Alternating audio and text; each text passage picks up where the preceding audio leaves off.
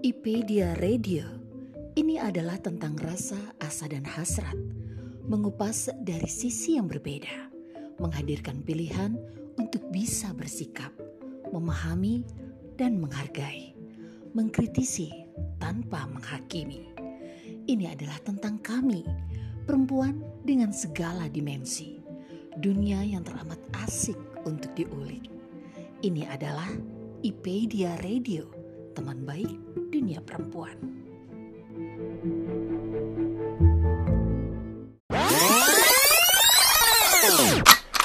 Waduh, pertanyaannya ini dalam banget. Ya terakhir itu pas pas dia pasang ventilator nih itu terakhir. Kalau saya sih suka nulis itu sebenarnya sejak kecil. Uh, saya mau order buat ulang tahun uh, ibunda Bapak Jokowi Februari yang kemarin itu. Itu juga yang dibilang sama ibuku. Hanya orang-orang terpilih yang bisa menjadi suami MS. Serius waktu di Rusia berarti tas tas itu? Iya betul. Kok Bu Mauri nekat-nekatnya sih bikin komunitas? Mereka berbagi tentang dirinya, tentang dunianya. Perempuan-perempuan keren yang penuh inspirasi. Ikuti obrolan seru mereka hanya di Kata Hati, IPedia Radio, teman baik dunia perempuan.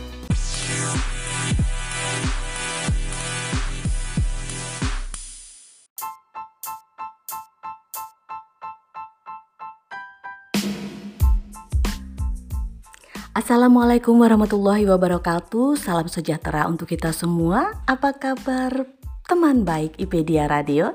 Berjumpa lagi dengan Desi Irawati di Kata Hati episode 81. Dan di bulan September ini, tahukah kamu jika tanggal 9 September diperingati sebagai Hari Olahraga Nasional? Nah, ini sejarah panjang tentang olahraga berawal dari tanggal 9 sampai 12 September tahun 1948. Saat itu adalah diselenggarakannya Pekan Olahraga Nasional atau PON pertama di Jawa Tengah, terutama di kota Solo. Diselenggarakan di Stadion Sriwedari atau sekarang bernama Stadion Ermaladi. Nah, Hal ini terjadi karena saat itu Indonesia belum diakui kemerdekaannya oleh dunia. Akhirnya event-event internasional tidak bisa diikuti oleh atlet-atlet Indonesia. Nah, untuk itu masih saja terdengar berita sedih tentang atlet Indonesia yang tidak bisa pulang ke daerah asalnya padahal membela daerahnya tersebut, kemudian kehidupan-kehidupan atlet dan mantan atlet yang tidak seperti yang diharapkan, ini menjadi PR besar untuk bangsa Indonesia.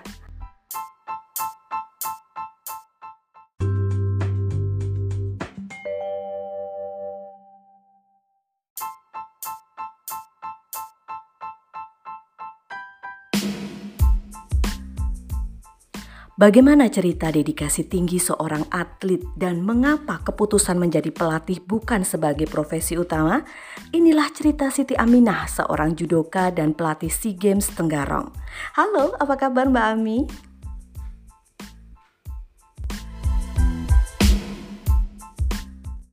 Assalamualaikum warahmatullahi wabarakatuh, Mbak Adisi. Kabar baik, mudah-mudahan kita semua hingga hari ini diberikan kesehatan, keselamatan, dan tentu kebahagiaan ya Mbak Desi ya, dan bisa tetap beraktivitas dengan hal-hal yang baik. Nah Mbak Ami, judo ini kan sebuah olahraga yang keras ya, karena di sana ada banting membanting, kemudian e, gimana sih gerakan-gerakannya kan keras sekali. Nah, bagaimana fase yang Mbak Ami alami menjadi seorang judoka? Nah, judo ini bagi saya seperti kehidupan, rangkaian kehidupan, jalanan kehidupan yang kami jalanin.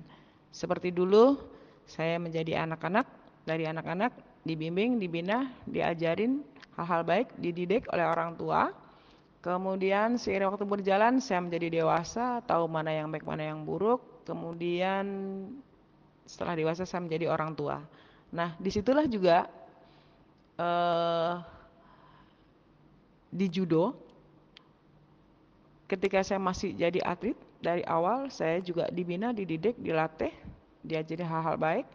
Kemudian seiring waktu berjalan, masa mudanya berlalu, saya jadi dewasa dan kemudian saya mulai menua dan menjadi orang tua. Nah di situlah fasenya dari fase atlet kemudian beralih menjadi fase pelatih. Nah di situlah saya menjadi pelatih.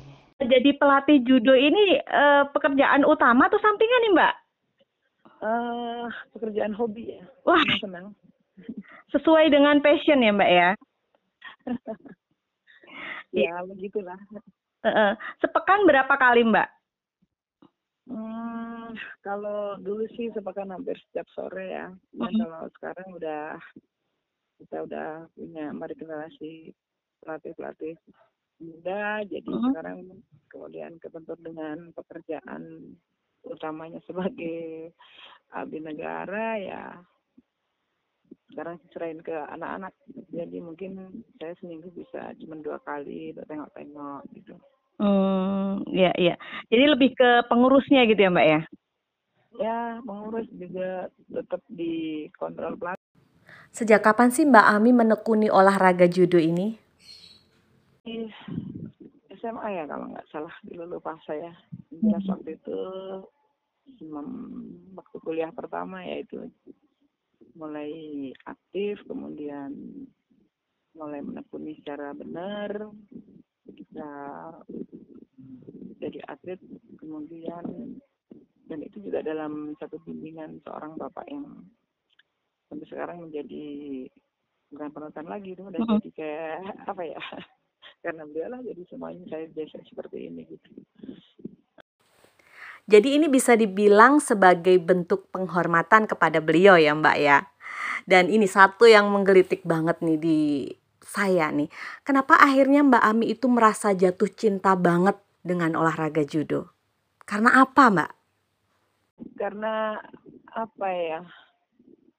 Karena kita melihat terus kemudian ya, ya itu yang saya butuhkan gitu ya. Mm -hmm dari kadang kan kita latihan judo itu pertama bukan lihat dari judonya sih ketika uh, masuk ke dalam kemudian pertama kali dulu dia jadi bapak itu mengenai falsafahnya mengenai uh, aturan-aturannya kemudian permainannya dan ternyata itu mengena banget sampai sekarang kan jadi kayak fundamental untuk untuk apa namanya untuk kehidupan dia yang akan datang untuk anak-anak itu mm-hmm. sudah saya beli sendiri jadi saya juga terapin itu juga sama yang saya dapatkan ke mm. anak-anak latih yang ada saat ini.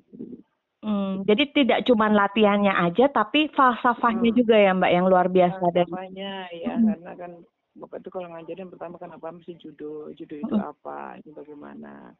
Terus setiap sesi latihan itu melakukan latihan itu selalu direview ini latihan ini kenapa mesti begini kenapa begini kenapa ketika banting nggak langsung dilepas aja atau hmm. diapain? Tapi kenapa kalau banting itu mesti harus dibantu juga orang yang dibanting.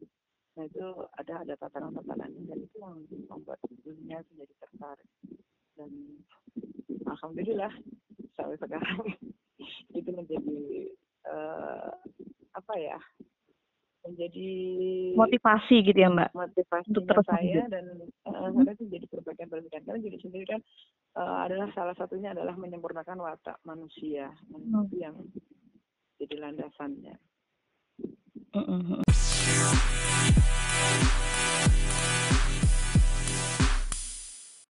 Sejak kapan Mbak memutuskan untuk menjadi seorang pelatih, bukan seorang fighter lagi? Hmm, yang jelas seiring waktu berjalan dan sejak usia sudah tidak muda lagi, saya berhenti jadi fighternya. Ketika usia sudah menuju senja, di situlah saya fasenya berubah, berubah gitu ya,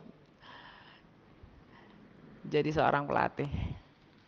Ketika sudah masuk ke judo ini, judoka ya Mbak ya, disebutnya judoka ya? Hmm. Ini sampai ke pelatnas Mbak? Uh, ya, saya di pelatnas itu dulu tahun 90-an ya. Hmm. 90 masih anak-anak ya masih muda banget. Mm-mm. itu sekitar 92 93 kalau nggak salah saya pernah berada di pelatnas itu tapi waktu itu eh pejudo Indonesia itu kuat-kuat dan dominasinya adalah di kepolisian yang waktu itu amat sangat sulit untuk ditembus untuk eh, masyarakat yang awam yang biasa karena mereka dominasi di angkatan itu kuat banget Mm-mm. Mm-mm. kita masuk di pelatnas itu udah satu hal yang luar biasa gitu waktu itu Mm-mm. Suka dukanya apa Mbak nih menjadi atlet? Ah, kalau sukanya banyak ya Mm-mm. kalau dukanya ya pasti kalau pas bertanding itu menjadi duka Ya, Mbak Ami, jadi kalau pas masuk ke pelatnas gitu berarti berjeda dulu nih kuliahnya. ah kebetulan saya dulu kuliah di Universitas Yogyakarta ya dulunya Mm-mm. di KIP masih Mm-mm. itu juga memberikan satu apa ya kita cuti ya kalau dulu kan cuti kita nggak bayar ya Iya. itu setiap semesternya nanti kalau udah selesai pelatnas kita masuk lagi ada panggilan lagi kita cuti lagi gitu jadi sekolahnya jadi kayak mahasiswa abadi gitu nggak lulus lulus karena sering cuti gitu. Tapi dulu pernah kepikiran nggak sih Mbak untuk atlet ini menjadi profesi gitu Mbak? hmm, enggak sih karena dulu mahasiswa itu kan kita punya unit kegiatan mahasiswa ya Mm-mm. yang seminggu itu dua kali biasanya di hari Jumat dan Selasa dan itu jadi tempat kita nongkrong tempat kita apa eh, bersenang-senang di luar jam kuliah yang kita bebas melakukan apa saja tapi itu ada nilai plusnya. Kita bisa sosialisasi dengan teman-teman dari berbagai jurusan yang mereka menekuni hal yang sama. Itu jadi sebuah kesenangan dulu jadi lebih senang ngumpul gitu. Kita Mm. dua hari spesial itu kemudian akan bertambah dengan hari Minggu yang biasanya untuk hal-hal yang di luar konteks sekolah kita bisa hmm, apa bisa bersama-sama di situ ketemu dengan yang lain di situ lah nilai plusnya sebenarnya Walaupun sudah masuk ke pelatnas juga nggak kepikiran Mbak nanti eh, profesiku sebagai atlet gitu Mbak, secara jangka Oh, panjang enggak. gitu. enggak enggak enggak enggak pernah ada kepikiran ke sana Hmm. eh, have fun aja kita lakukan semuanya dengan senang Padahal kalau menang kan hadiahnya, bonusnya kan gede-gede Mbak. Oh itu kalau sekarang kalau dulu sih kita nggak pernah mikirin bonus ya Oh. Eh, jadi dulu itu Esril kita hanya melakukan sebuah kesenangan yang itu memberikan nilai plus buat kehidupan kita. Jadi nggak pernah mikirin mikirin uang dulu ya karena dulu kan mm, saya juara misalnya juara pon kelas juara tiga pon misalnya pertama kali juara tiga pon itu mungkin daerah lain uangnya udah puluhan juta. Mm-mm. Saya di Jogja tuh bonus waktu itu satu juta itu udah banyak banget saya bisa beli motor bisa beli Mm. macam-macam. Waktu itu nilai nominal rupiah masih uang segitu banyak banget gitu. Iya, iya. dan itu kita menikmatinya juga sama-sama gitu nggak belum kepikiran seprofesional sekarang ya sekarang kita mikir dapat juara sea games 500 juta kita di Mm-mm. pegawai negeri mungkin eh, 10 tahun belum tentu ngumpulin 500 juta gitu. Nah, itu yang berbeda. Nilainya saat yang beri value nya nilai Iya, itu iya. berbeda. Dulu dulu sama sekarang gitu. Hmm, mm, mm, mm, mm. Tapi ini terus diturunkan ke anak-anak Mbak. Anak-anak juga jadi judoka juga. Eh, ya sebenarnya saya dulu jujur anak saya kalau anu nggak usah main judoin kalau olahraga yang lain karena keras banget kita berlatih kalau nggak punya mentalitas yang kuat Mm, itu sulit. Tapi ternyata anak saya dengan sendirinya ngikutin gitu sekarang mm. Melihat uh, apa namanya contoh ya Mbak ya. ya dari kecil dia sudah ngikutin ketika berlatih justru waktu itu juga pernah saya itu hamil anak saya saya bertanding nggak tahu waktu saya itu saya hamil gitu ya Waduh. Jadi hamil muda gitu masih bertanding Mbak. Ini karena nggak pertama sih karena nggak tahu hamil ya Mm-mm. nggak tahu hamil terus kemudian eh yang lucu juga anak pertama saya itu saya udah tahu hamil sih cuman saya Mm-mm. udah punya kontrak harus main di Porprov Kalimantan Timur waktu itu ya saya hamil lima bulan saya bertanding cuma saya sudah kuasai materi pemainnya siapa nanti tadi akan gunakan apa kira-kira saya menang mau bagaimana gitu Ya Allah. dan alhamdulillah waktu itu saya juara satu kan nah itu buat modal saya untuk untuk hidup di Kalimantan ini dulu Wah. Dulu berarti belum ASN. Belum waktu itu belum Hmm. saya belum ASN saya masih eh pertama kali itu saya macam guru bantu ya waktu saya berangkat Hmm. guru satu tahun guru bantu kemudian ada rekrutmen PNS di Kementerian Pendidikan waktu itu. Hmm. Saya lagi ngajar di Unmul itu saya dulu sempat freelance ngajar di Unmul sama Ya. di KPGRI. Nah, disaranin tuh ada pendaftaran di dulu namanya LPMP ya, LPMP. Mm-mm. Diperlukan olahraga satu tuh siapa tahu ini. Saya bilang, "Ah, enggak Pak, saya lagi ngajar." "Enggak apa-apa, tinggal aja mahasiswa kasih tugas, ikutin aja." Nah, itu orang yang berjasa waktu itu saya masuk di ASN itu. Hmm. Akhirnya saya coba daftar bahkan sampai diterima pun diterima pun habis tes saya nggak tahu asal itu diterima saya masih masih belum Oke. belum mikirin itu ASN Jadi akhirnya eh, ASN masuk dan menjadi pelatih ini tetap ya, menjadi judoka juga Iya. tetap ya. Itu Ya, jadi itu sampingan kan- gitu ya, Mbak ya. ya hari-hari saya memang bermainnya di situ di judo Hmm. Mm, mm, mm. Keren sekali. Aku tuh pernah membaca komik Mbak tentang judo ya waktu itu. Nah, ceritanya tuh ada anak perempuan yang dia tuh mungil gitu. Kemudian dia karena keluarganya judoka, akhirnya dia judo di situ.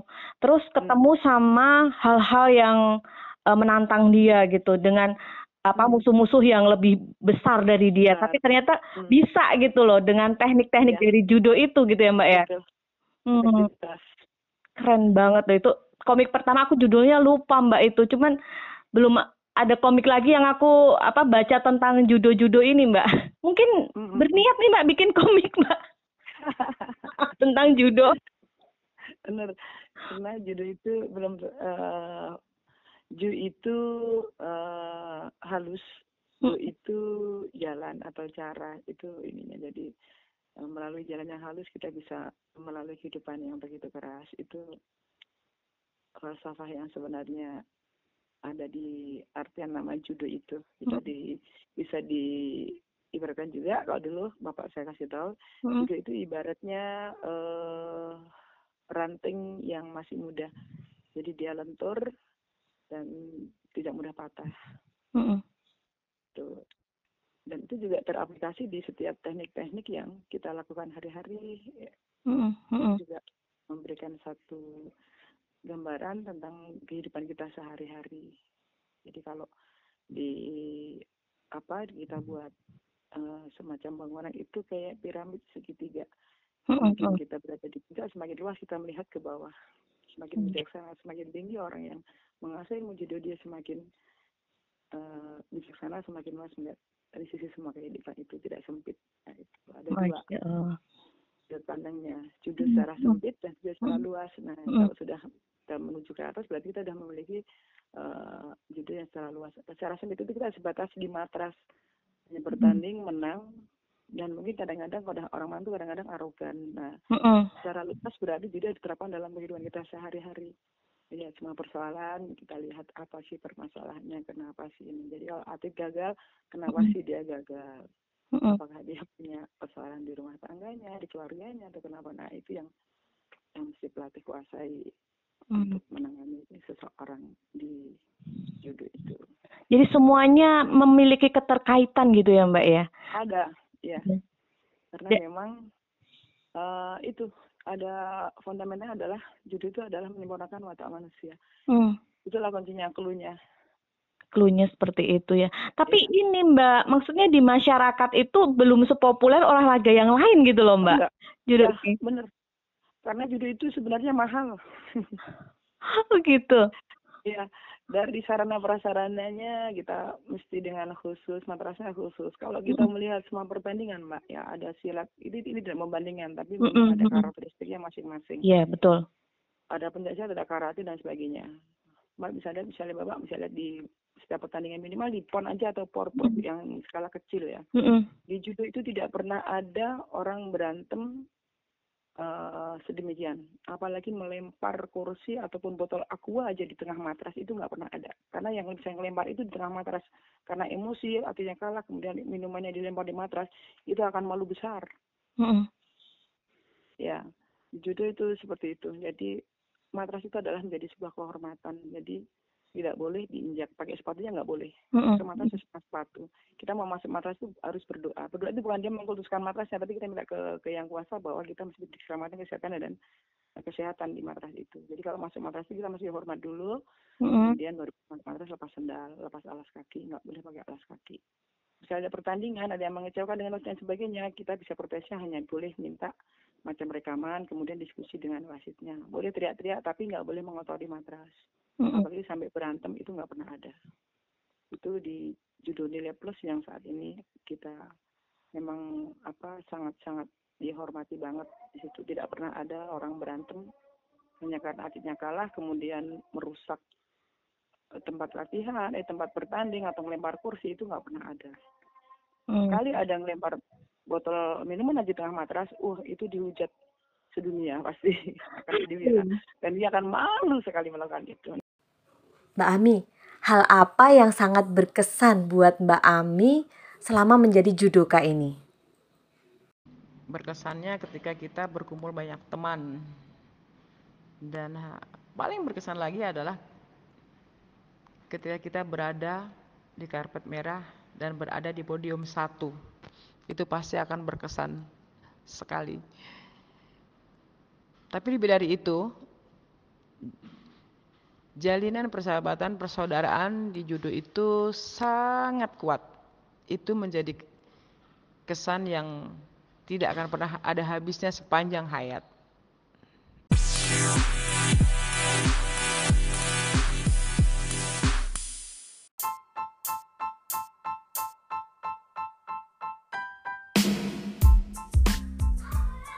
Oke teman baik, akhirnya kita sampai juga di penghujung acara untuk Kata Hati episode 81 kali ini. Terima kasih untuk Sensei Ami yang sudah hadir sebagai narasumber kali ini dan marilah kita berdoa bersama agar dunia olahraga menjadi lebih baik lagi.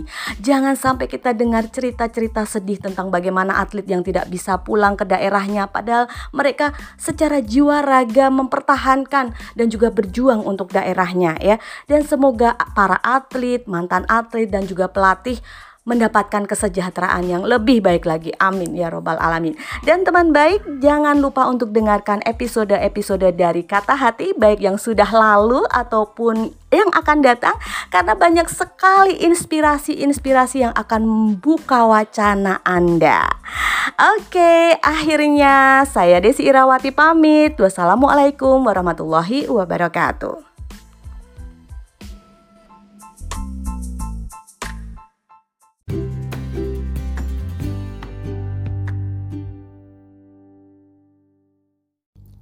Terima kasih telah mendengarkan episode kali ini.